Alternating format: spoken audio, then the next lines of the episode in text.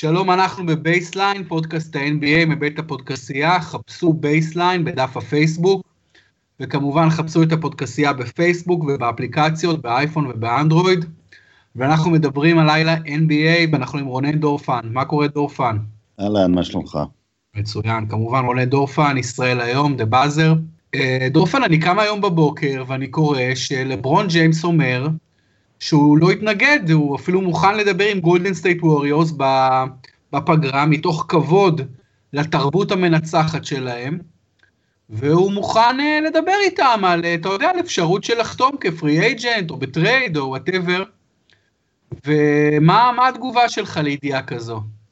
שזה לא יקרה, אבל זה, זה פתטי הרצון שלו תמיד להיות בסדר היום. אתה יודע, כדורסל הוא לא ספורט כמו כדורגל שבאמת נשלט רק על ידי שוק ההעברות, או לפחות אם הוא נשלט, השוק ההעברות מתנהל פחות או יותר בתנאי שוויון או תנאי תחרות, אבל לברון, אתה יודע, אחד מגדולי מעריציו, שאני יודע שהרבה לא אוהבים אותו, סטיבן איי סמית מפרסט טייק, הוא פתאום אמר לפני כמה שבועות, דווקא אפרופו לברון לסן אנטוניו, This guy can't play without his deck stacked. כאילו, הוא מסרב לשחק אם אין לו ארבע אסים בחבילה, או שלושה, או שני אסים ושני מלך, לא יודע. כאילו, בחייאת רבאק. זה מה שיש לי להגיד, בחייאת רבאק. תראה, ב-2010, כשלברון החליט לעשות את ה-decision, את ההחלטה הדרמטית הזו, והקונטרוברסיאלית כמובן, אה, לעזוב את קליבלנד למיאמי, אני אז, אני אגב, אני אגיד למי שלא יודע, אני אוהד לברון מאוד מאוד גדול, אוהד לברון לא האדם, אלא השחקן, אני, אני תמיד בעדו ותמיד בעד הקבוצה שהוא משחק בה. ואז ב-2010 לא כעסתי על לברון, אה, הבנתי אותו. למה הבנתי אותו? כי ראיתי כמה שנים אה, מאוד מאוד מתסכלות, שבהן הבנתי שלברון בקליבלנד, במצב העניינים של דאז, לא יכול לקחת אליפות, ואמרתי, אין פה, אין, אין מה לעשות, הוא חייב... נכון, זה היה באמת קבוצה פח אשפה שם. נכון, הוא חייב, הוא לקח, הוא לקח, הוא עשה את המקסימום של המקסימום, והוא בזבז כמה מהשנים הכי טובות שלו על ניסיונות כושלים, ו- וכושלים מראש אפילו, אה, כי... אבל אז הבנתי אותו, ואגב, הרבים לא הבינו אותו, רבים שנאו אותו בגלל זה, שרפו גופיות שלו בקליבלנד.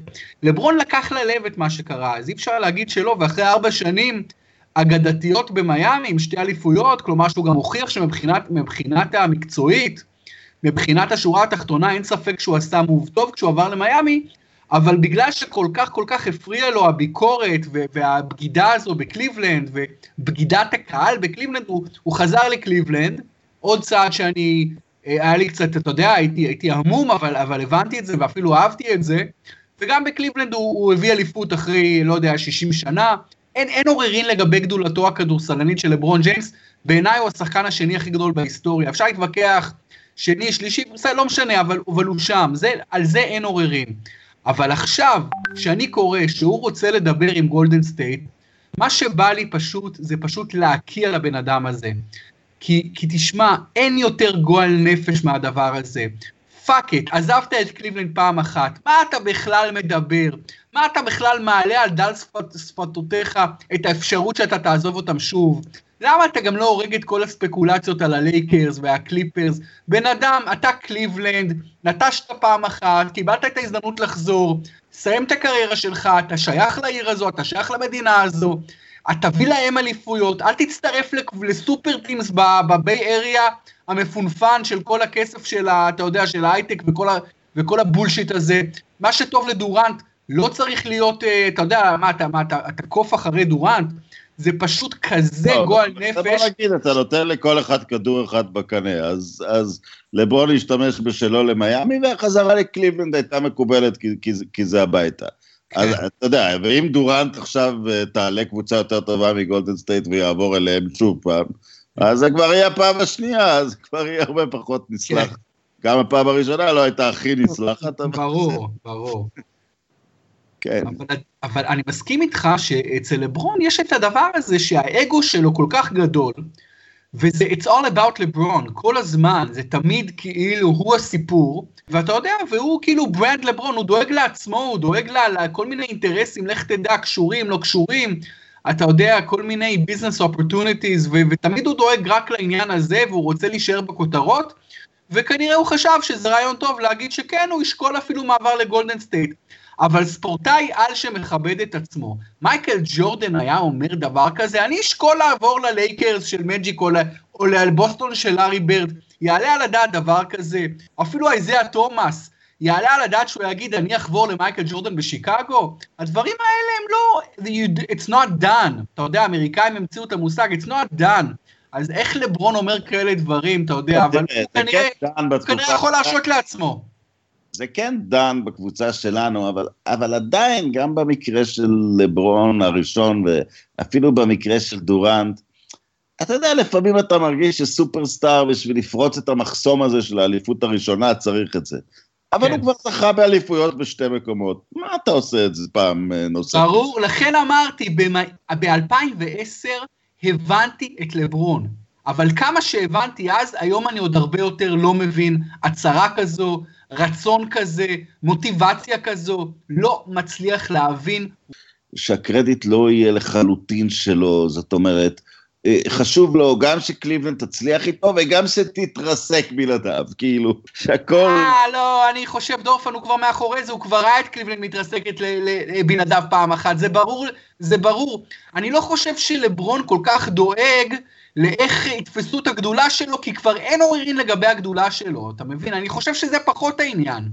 מאוד מוזר הדבר הזה. הוא יעבור כנראה בקיץ, אבל הוא יעבור כנראה לקבוצה אחרת. למה, למה לשדר את זה שזה יהיה לגולדן סטייט? זה כאילו, זה כמעט לבזות את הליגה. תראה, אני גם מאוד אכעס על מעבר ללייקרס, אבל אם הוא יעבור ללייקרס, אני לא יכול להגיד, הוא לקח פה את הדרך הקלה, הוא, הוא הלך לקבוצה אלופה, הוא הלך להביא לעצמו טבעת, לא, אני אגיד, זה לא יפה, זה לא מכובד, זה לא ראוי שאתה תעזוב את קליבלנד, אבל אני לא יכול להגיד שעשית את זה לעשות שורטקאט לאליפות, ממש לא, אם כבר ההפך. אם כבר ההפך. אבל נגיד הוא עובר לגולדן סטייט דורפן, נגיד הוא עובר לגולדן סטייט, במקום כמובן קליי יהיה חייב להיות חלק מה, מהעסקה הזו, והוא יזכה באליפויות למכביר עם דורנט וקליי, וסטף קרי. So fucking what, אתה מבין? מבחינתי ה-NBA יכולה, יכולים לסגור את השערים של הליגה הזו, זה לא מעניין לראות את לברון עם סטף ודורנט זוכים באליפויות. זה לא מעניין, זה אנטי כדורסל, זה לא אנטי ספורט.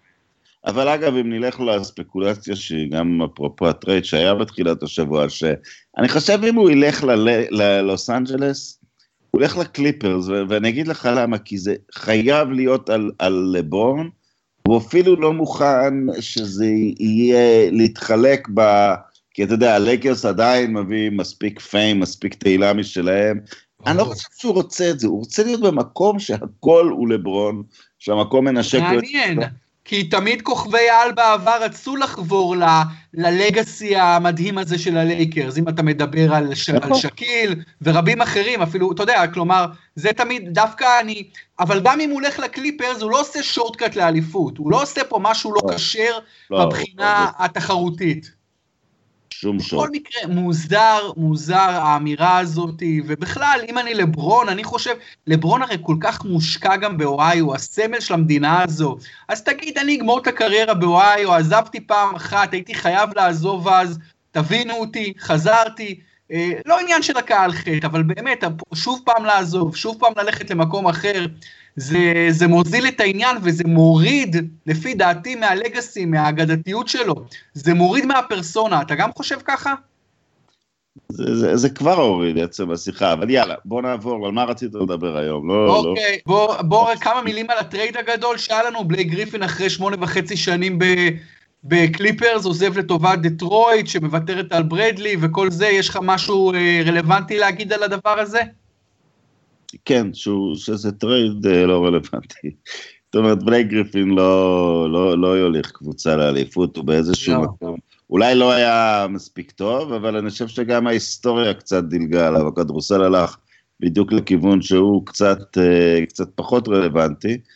הדבר היחיד, אומרים שהקליפרס פינו את הכסף כדי להביא את לברון, אבל אפילו לזה, ואנחנו כבר חזרנו ללברון, אבל אפילו לזה, אני, אני, אני לא רואה מה הקליפרס יכולים לעשות, כי בסדר, אז הם יאספו מה free agency תיאורטית את פול ג'ורג'. פול ג'ורג' ולברון ומה שיש כרגע בקליפרס זה, זה רחוק מאוד מאליפות. זה, זה, זה, זה לא בסביבה אפילו, כי אל, אל תשכח במערב, אתה צריך לעבור, חוץ מגולדן סטייט מחכה לך לפני זה, אוקלהומה או יוסטון או סן אנטוניו. זה, ואז נניח תאורטית מחכה לך גם גמר NBA, זה לא, פול ג'ורג' ולברון לא עוברים את, את, את, את יוסטון, גולדן סטייט ובוסטון אחד אחרי השני, זה לא, זה לא, אז, אז זה גם נראה לי, אני לא יודע מה, לקליפרס יש, יש כסף והם יכולים לשלם מעבר לתקרה בגלל, ה, בגלל הבעלים, אבל אני לא, זה, יש כסף אבל אין מה לקנות אחרי לברון. נכון, זה, הם, הם כנראה באמת, יש להם איזה תוכנית אה, לפנות כמה שיותר בכל מחיר, את החוזה המאוד גדול של בלייק, מבינים כמו שאתה אומר שבלייק כבר לא יוביל קבוצה לאליפות, הוא עדיין שחקן טוב מאוד, אבל לא, לא יוביל קבוצה לאליפות, אז זה בסדר, זה לא באמת... אז מה אפשר לאסוף עם לברון? אולי אפשר לאסוף את אנטוני דייוויס? אבל יש להם את זה. לברון, לברון, כל קבוצה בליגה שיכולה תוכל להביא את לברון, תביא את לברון, בלי בכלל, אתה יודע, השאלה מה סביבו היא שאלה רק אחרי זה, אבל, אבל כי הוא כן Game Changer, בהגדרה, לברון הוא Game לא, Changer. באיזה קבוצה הוא נראה לך יותר חזק מגולדן סטייט? אולי ביוסטון ובסן אנטוניו על הגבול. אה, אה, כן, תראה, ביוסטון, לא, אה, לא סן אנטוניו, לא, לא חושב שסן אנטוניו שם, בטח לא עם המצב הכל כך בעייתי של, אה, של קוואי לנארד, שגם מסוכסך עם, ה, עם הקבוצה שם על כל מיני דברים שעוד לא התפרסמו, אבל אה, סן אנטוניו לא, לא טובים השנה, לא מספיק טובים, אין להם מספיק טאלנט. יוסטון ולברון זה כנראה. יוסטון עם לברון, אם לברון עכשיו ביוסטון, יוסטון לפי דעתי יותר אפילו מ... יוסטון היא המועמדת מספר אחד לאליפות. כן, אם עכשיו, כמו שהם משחקים. זה הקבוצה היחידה. כן, כן, זה הטרייד היחיד. אפילו לא בוסטון, אפילו לא בוסטון, רק יוסטון, yeah. כן. רק יוסטון. אבל זה לא, זה, לא, זה לא אמור לקרות. אה, אבל באמת כדי להמחיש עד כמה באמת היתרון של גולדן סטייט גדול, אבל, אבל אתה יודע, יהיה מעניין לראות את זה, כי ראינו את יוסטון לאחרונה מנצחת, את גולדן סטייט, ג'יימס הארדן בעונה פסיכית, קריס פול משחק נפלא, איך תדע מה יש שם, למרות שזה... מה שאמר... באמת נכון לגבי הידיעה הזאת מהבוקר, זה שנכון שהם צריכים לשלם כל מיני קנסות על זה, אבל גולדן סטייט יכולים להכניס עוד מישהו שם תחת לתקרה, ויצטרכו לוותר על משהו כמו איגודלה, בלי לוותר על אחד מארבעת הגדולים, ויש כל מיני יוקיץ'... אה, בשביל לברון? לא, לגולדן סטייט יש, אם, אם גולדן סטייט אה, נותנת לאיגודלה ללכת, כן. היא, או לפרוש אפילו, בכבוד, נניח עם עוד אליפות אחת, הוא כבר יהיה זה, אז, אה, אז יש לה כסף אה, לעוד מישהו. זה יכול להיות יוקיץ', זה יכול להיות כל מיני דברים. כי אני לא חושב שבמצב, בתרבות של הכדורסל שנוצרה היום, אולי גדולי הכוכבים יחשבו איך זה ישפיע עליהם, אבל, אבל סתם אולסטאר ישמח להצטרף אליהם. בוודאי, בוודאי. אני בטוח שכבר בגולדן סטייט כבר עובדים על זה. על היום שאחרי, הם באמת, אה, אנדרה איגודלה מנסים לפנות אותו, ואני לא חושב שיוותרו על קליי תומפסון, הוא חשוב מדי. לא, הסנטר זה העמדה, הסנטר זה העמדה שיכולים להכניס עוד אולסטאר. בשדרוג גדול מאוד, בדיוק. זה כן. בכלל יהיה מפחיד.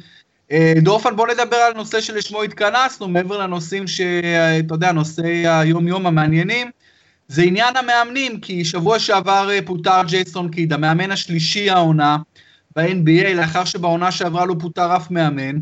בפרמייר ליג בינתיים כמעט מחצית המאמנים פוטרו, ותשמע, כשמסתכלים על סיטואציית המאמנים בכלל בספורט האמריקאי, אני חושב שמבחינת, אה, אה, אתה יודע, חיי העבודה בארצות הברית, אתה פחות מוגן על ידי כל מיני הסדרי פנסיה ועבודה והסכמים קיבוציים וכאלה. אני חושב שהעובד הממוצע ביבשת אירופה, יש לו ממוצע עבודה יותר זמן בחברה שלו מאמריקה, אבל במאמנים אין בכלל מה להשוות, מאמנים בספורט האמריקאי נשארים לתקופות הרבה הרבה יותר ממושכות מעמיתיהם בספורט האירופאי, כדורגל או כדורסל. ואני רוצה לשאול אותך, האם אתה חושב שצריך לעשות אולי חוזים עם מאמנים, כמו עם שחקנים, שהחתמת שחקן 3-4 שנים, אתה מחויב לשלם לו עכשיו 3-4 שנים, לא משנה מה, וזה כמובן יוריד את האינסנטיב מפיטורי מאמנים, או האם אתה רוצה להיות יותר רדיקלי ואולי להוריד נקודות על פיטור, כל פעם שקבוצה מפטרת מאמן, מחליפה מאמן, בוא נוריד לה כמה נקודות. כי לי נמאס מפיטורי המאמנים התכופים, אני חושב שזה פוגע בכל נדבך בספורט האירופאי. אבל על מה אנחנו מדברים? על אירופה או על ארה"ב עכשיו? אה, מדברים, קודם כל ארה"ב, איך מתייחסים באמריקה למאמן? תראה, הם מתייחסים הרבה יותר טוב מבאירופה, אבל קצת פחות טוב מבעבר. דברים, אתה יודע, אפילו פיטורי בלאט בזמנו. פעם לפטר מישהו במקום הראשון היה פשוט משהו, it's not done, כאילו, אתה יכול, אתה יכול לבכות עליו, אבל, אבל זה לא נעשה, והנה, זה דוגמה שזה נעשה, לאו דווקא צעד ש... שהיה לא נכון. נעשה, נעשה והצליח ביג טיים, לא סתם נעשה. כן, נעשה והצליח, נעשה והצליח באותה נקודה. תראה, צריך להפריד את, ה, את, את ענפי הספורט. בפוטבול זה לא ריאלי לפטר מאמן, המאמן עומד בראש מערכת של בערך 16 עד 20 מאמנים מתחתיו. לפטר מאמן זה לוותר על העונה באותה רגע. עושים את זה לפעמים, אבל כבר ממנים מישהו לתקופה ארוכה. אין, אין, אי אפשר לפטר מאמן כדי לצפות לתוצאות באותה עונה, כי, כי, כי פוטבול הוא, הוא ספורט מ, מ, מסוג מסוים. עשית סמכות. לגבי, ה, לג, לגבי ה-NBA זה, זה המאבק שקיים, בוא נגיד, מאז מג'יק ג'ונסון, על, על מי שולט בקבוצות, הסופרסטארים או המאמנים. עכשיו, שתי אסכולות קיימות, יש קבוצות שמאמן שולט בהן, סן אנטוניו ובוסטון הן שתי דוגמאות, קבוצות שנותנות מחויבות מוחלטת למאמן, שזה, שזה דבר מאוד נכון, אבל הן משלמות על אה, מחיר ברצון של סופרסטארים כנראה להגיע לשם, זאת אומרת, הסופרסטארים שהיו לסן אנטוניו גדלו בתוך המערכת, אז ככה הם גדלו, וגם דנקן היה בן אדם עם אישיות מאוד uh, מסוימת, שהתאימה לדבר הזה. אבל, uh, אבל בהחלט, ה-NBA חי במתח הזה בין, uh, נכון שאתה רוצה לעשות דברים כמו שהם צריכים להיות, לשים מאמן, והמאמן יקבע והכל, אבל בליגה שכל כך מורכבת מ star power, יכול להיות שזה, שזה פשוט, שזאת לא הדרך הכי תחרותית לעבוד. אם יש לך מזל, כמו גולדן סטייט, אתה תופס את הסופרסטארים שהם coachable, שאוהבים את המאמנים, אבל לרוב אתה נאלץ לבחור בין זה לבין זה. והרבה קבוצות לא מעדיפות את המודל של המאמן, כי הן רוצות להצליח במהירות.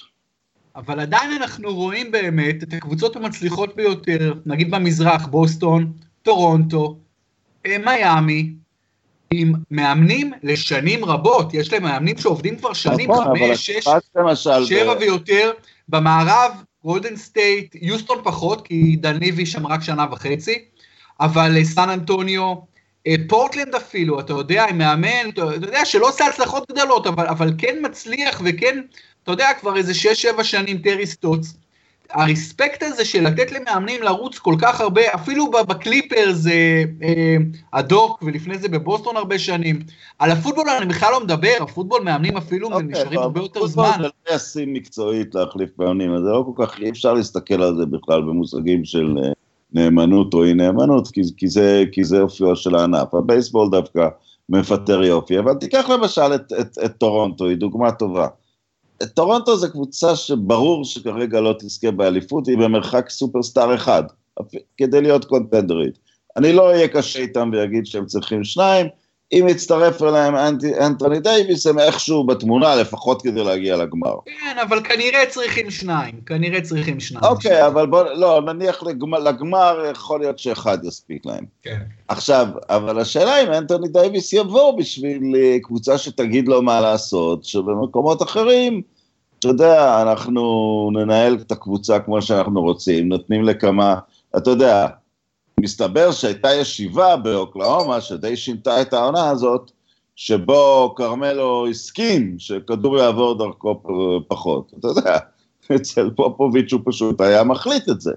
אז, אז שהמאמן במשא ומתן עם כרמלו, כמה כדורים יעברו נגדו, וכרמלו הוא אפילו לכל היותר השחקן מספר שלוש של הקבוצה, אתה יודע, אבל אם אוקלהומה תצליח השנה לעשות משהו, אפילו לשחק חצי גמר אזורי בצורה תחרותית נגד אחת משתי הגדולות במערב, אז, אז בעלי קבוצות יגידו, מה אני צריך כמו דני איינס, לשבור את הראש, לגדל מאמן, הנה אספנו כמה שחקנים, אמרנו למאמן לעשות מה ששחקנים אומרים לו, ואיכשהו זה יסתדר לנו. זה, זה מצב עצוב, אבל במשחק שהוא רק חמישה שחקנים, והכוח של שחקן או שניים הוא כל כך גדול, לא בטוח שהמודל של מאמן אה, אה, אוטוקרטי הוא, הוא, הוא המודל הכי מצליח או היחיד. כן, בוודאי שלא מודל אוטוקרטי, כי אנחנו מדברים על ספורט אמריקאי שהמציא את ה general manager, וה general manager הוא כמעט תמיד הבוס של המאמן, הוא גם ממנה את המאמן, הוא מפטר את המאמן. כמובן בהסכמת הבעלים, לפעמים בעצת הבעלים, אבל אבל תראה, גם אני לא חושב שבא, אני לא חושב שיש יותר מדי כוח לסופרסטאר בקביעת דברים. ברור שלברון זה מקרה חריג, אבל בגדול, אתה יודע, אה, אוקלאומה סיטי אפילו, היה לפני אה, בילי דונובן מאמן אה, סקוט ברוקס, אימן שם הרבה שנים, איזה 7-8 שנים, היה מחובר לשחקנים. הם ישאלו את עצמם היום, אבל אתה יודע, אתה צריך לשאול את השאלה בדיעבד. הם ישאלו את עצמם היום, הם יגידו, ישבנו שם עם כל הג'וקרים בחבילה, ולא לקחנו שום דבר, ובקושי עשינו איזה גמר. בגלל זה הוא פוטר. בגלל זה הוא כן, אבל אולי יותר מדי זמן, אני מדבר פה בגוף ראשון כאילו אני אוקלאומה. אולי יותר מדי זמן אה, נתנו למאמן אה, עדיפות על השחקנים. הבעיה היא שהקבוצה הזאת גם אחרי זה נתנה עדיפות מוחלטת לווסטבוק על, על פני דורנט, וזה כנראה, וזו כנראה טעות. אם כבר להקשיב לסופרסטאר אחד ולבנות סביבו, דורנט הוא בכל לא, זאת יותר מכריע מווסטבוק. כן, הקבוצה הזו אגב הביאה מאמן לא פראייר, אמנם מאמן שלא אימן ב-NBA אף פעם, אבל לא, מאמן לא. מאוד מאוד מאוד מאוד מכובד ומצליח בדמות בילי דונובן שהביא לפלורידה שתי אליפויות אה, NCAA, זה הישג שמעט מאמנים ב-NBA עשו אותו. אבל הוא צריך לנהל משא ומתן עם כרמלו, אם כרמלו מוכן... כן, אבל אני לא הייתי חוש... אני לא הייתי ממהר אה, להסיק שבילי דונובן הוא איזה סחבה. אני לא חושב שהוא סחבה. וגם תראה, ה general manager שם, סאם פרסטי, הוא כבר מעל עשר שנים במועדון.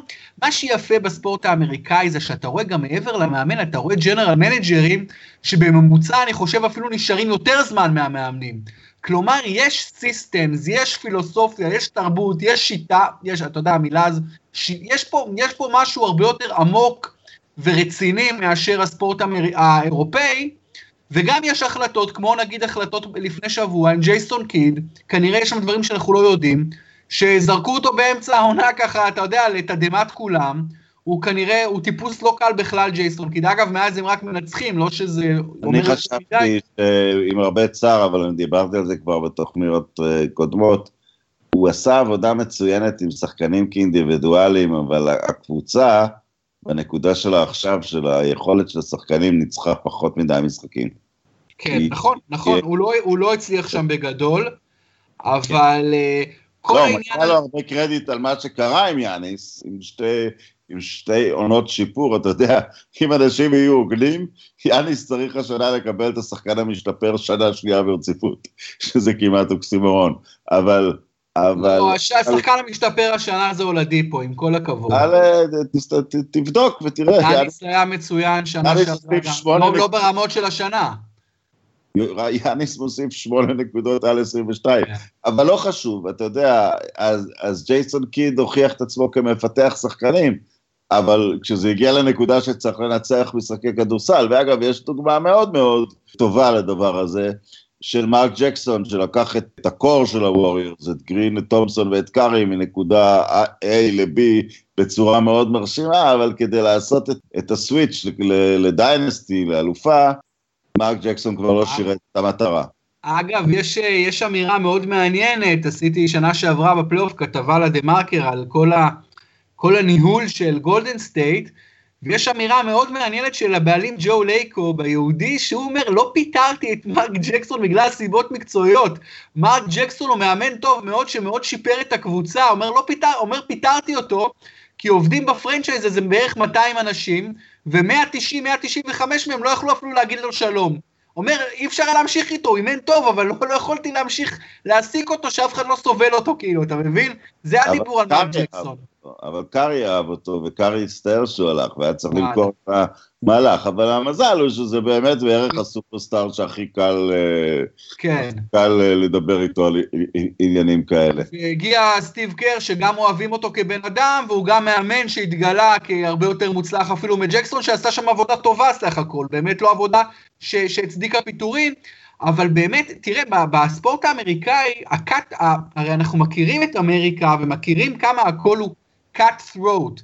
התחרותיות היא, בעיקר כשיש לך כאלה מכניזם של דראפט ותקרות שכר וכאלה, התחרותיות היא מטורפת, זה לא ווסט ברומיץ' נגד מנצ'סטר סיטי, זה לא לסטר נגד יונייטד, uh, אתה יודע, זה תחרותיות מטורפת, והיית לא, חושב שבתחרות... צריך לראות מה הם עשו שם, הם, הם, אתה יודע, ה...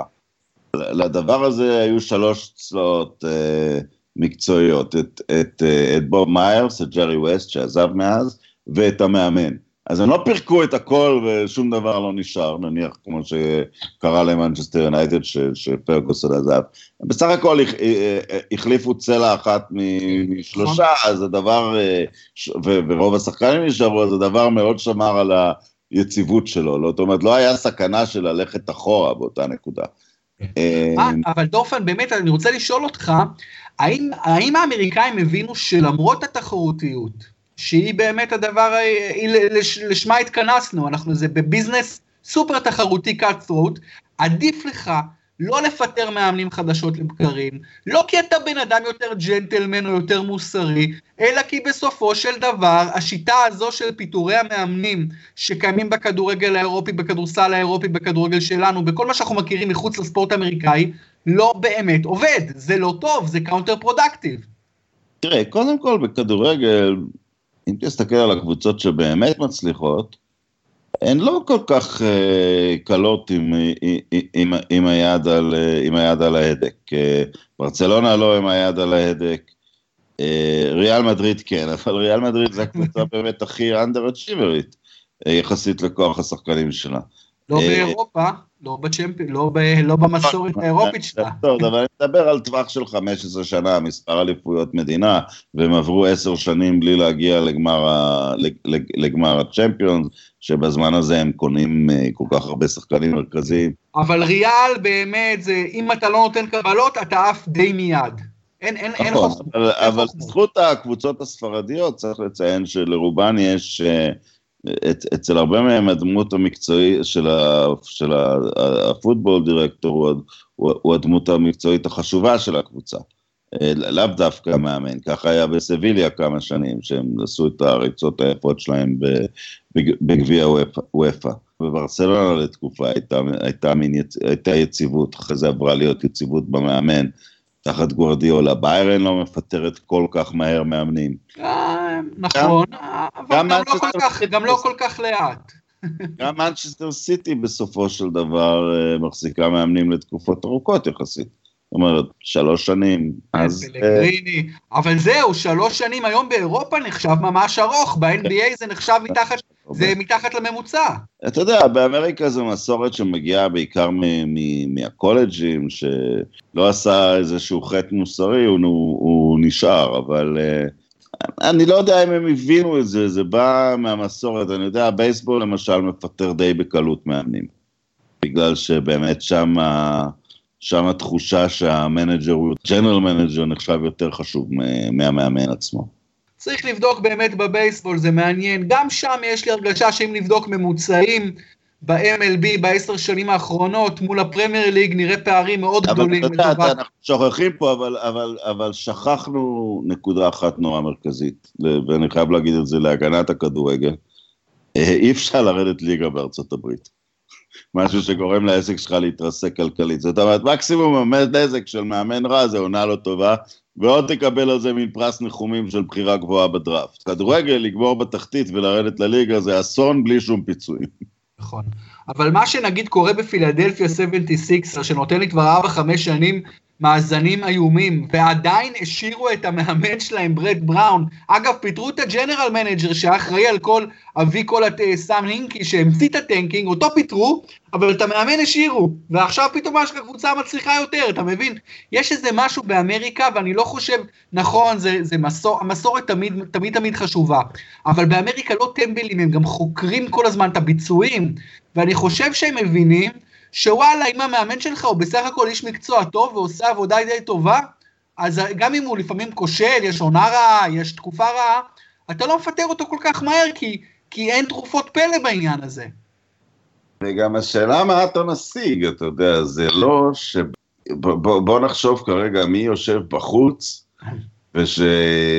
ושאפשר למנות אותו והוא יביא זה, אז, אז פיל ג'קסון אולי, כבר גם לא בטח. אז הוא הגיע כבר לחוסר רלוונטיות ואני לא חושב שמישהו יעסיק אותו, אבל לא, האם יושב בחוץ איזשהו מאמן שהוא, שהוא Game Changer במהירות כרגע, תוך כדי... ב-NBA בכלל להתייחס למאמן כ-Game Changer זה מאוד בעייתי, כי זה לא באמת ליגה של מאמנים, בסופו של דבר. זה ליגה של כוכבים ושל general manager ים, יותר מהכל. הקבוצה היחידה שהחליטה שהמאמן הוא Game Changer ועשתה צעדים יפים קדימה, זה בוסטון שלקחה את uh, סטיבנס מ... אבל גם שם הבוס הגדול והכל יכול, דגש על כל יכול, זה דני איינג'.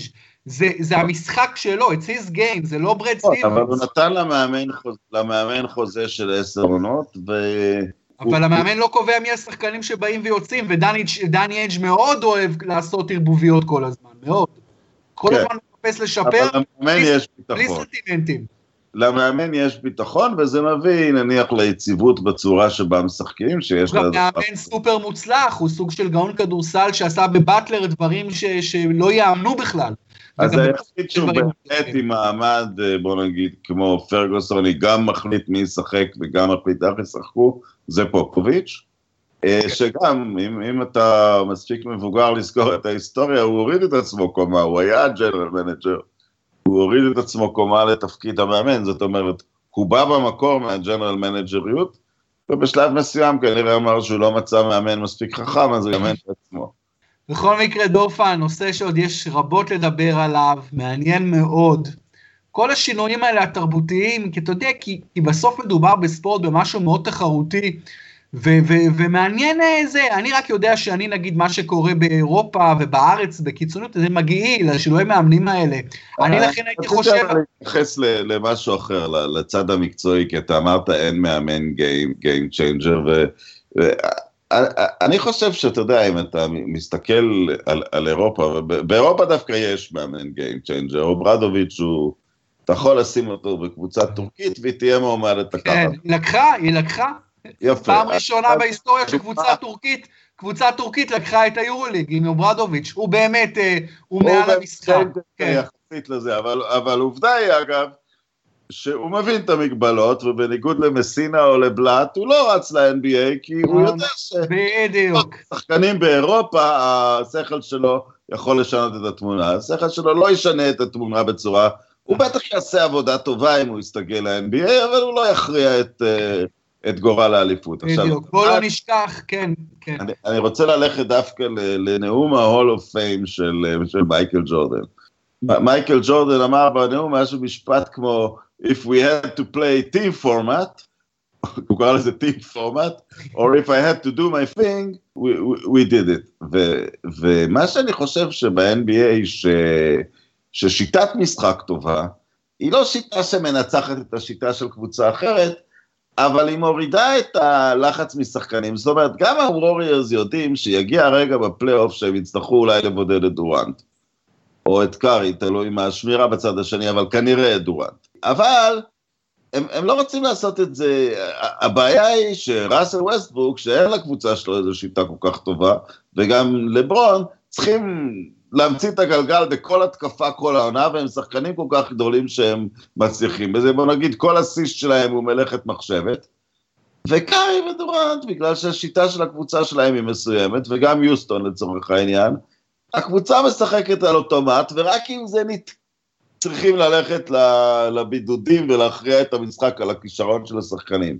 אז אני חושב שמאמן טוב ב-NBA יכול להוריד הרבה מהלחץ על הסופרסטארים, על העומס שיש להם, ועל עומס הדקות, וגם על העומס המנטלי של הצורך, של הצורך אה, להכריע משחקים במהלכים גדולים. אז, אז פה מאמן באמת הוא, הוא יתרון עצום, אבל הוא לא יתרון דווקא כ... הייתה לי שיחה למשל עם, עם גרייזר שכותב בבלוג שאני כותב, והוא, אני אמרתי לו שגולדן סטייט ויוסטון הן די דומות. ומה הוא אמר? מה פתאום דומות? הן דומות רק באסטרטגיה של הרבה שלשות, אבל יוסטון בכלל משחקים בידודים, וגולדן סטייט משחקים יותר תנועה. אני לא חושב שזה כל כך משנה אם הם משחקים בידודים או תנועה, כל עוד לשחקנים יש, הם באים לעבודה והם יודעים שהם ישחקו בדרך מסוימת, וזה יתרון מאוד גדול בשבילם, כי את, ה, את ההירואיקה הם מנסים לצמצם לכמה משחקים מאוד חשובים, וכשאין מאמן טוב, אז השחקן צריך להיות הירואי כל יום בשבוע, אפילו כדי לעלות לפלייאוף, זה חיסרון מאוד גדול לקבוצה. אני מסכים איתך, מייק דנטוני, הכדורסל שלו מאוד שונה משל גולדן סטייט, אבל מאוד מאוד מאופיין ומאובחן, ותמיד, וזה עובד ביוסטון, הכדורסל של מייק דנטוני זה מה שעובד ביוסטון, הם דבקים בזה. אה, דורפן, היה מאוד מעניין, אנחנו נהיה ביחד שוב שבוע הבא, עוד שבועיים, ותודה לך. להתראות. להתראות. תודה שהייתם איתנו בבייסליין, פודקאסט, פודקאסט ה-NBA מבית הפודקסייה, חפשו בייסליין בפייסבוק וחפשו את הפודקסייה בפייסבוק ובאפליקציות, וחפשו את כל יתר הפודקאסטים מבית הפודקסייה, יש לנו פרק חדש עם אבי מלר על כל חלון העברות שנסגר באנגליה, פודקאסט מאוד מאוד מעניין שבפרמיירה, וכמובן הופכים בירוק מכבי חיפה, מכבי בול, מכבי תל אביב, תינוקות באז במנצ'סטר יונייטד. עולים לרשת אה, טניס, וזהו, מקווה שלא שכחתי שום דבר. יש באמת הרבה מאוד פודקאסטים של ספורט. יאללה, תודה לכם, להתראות.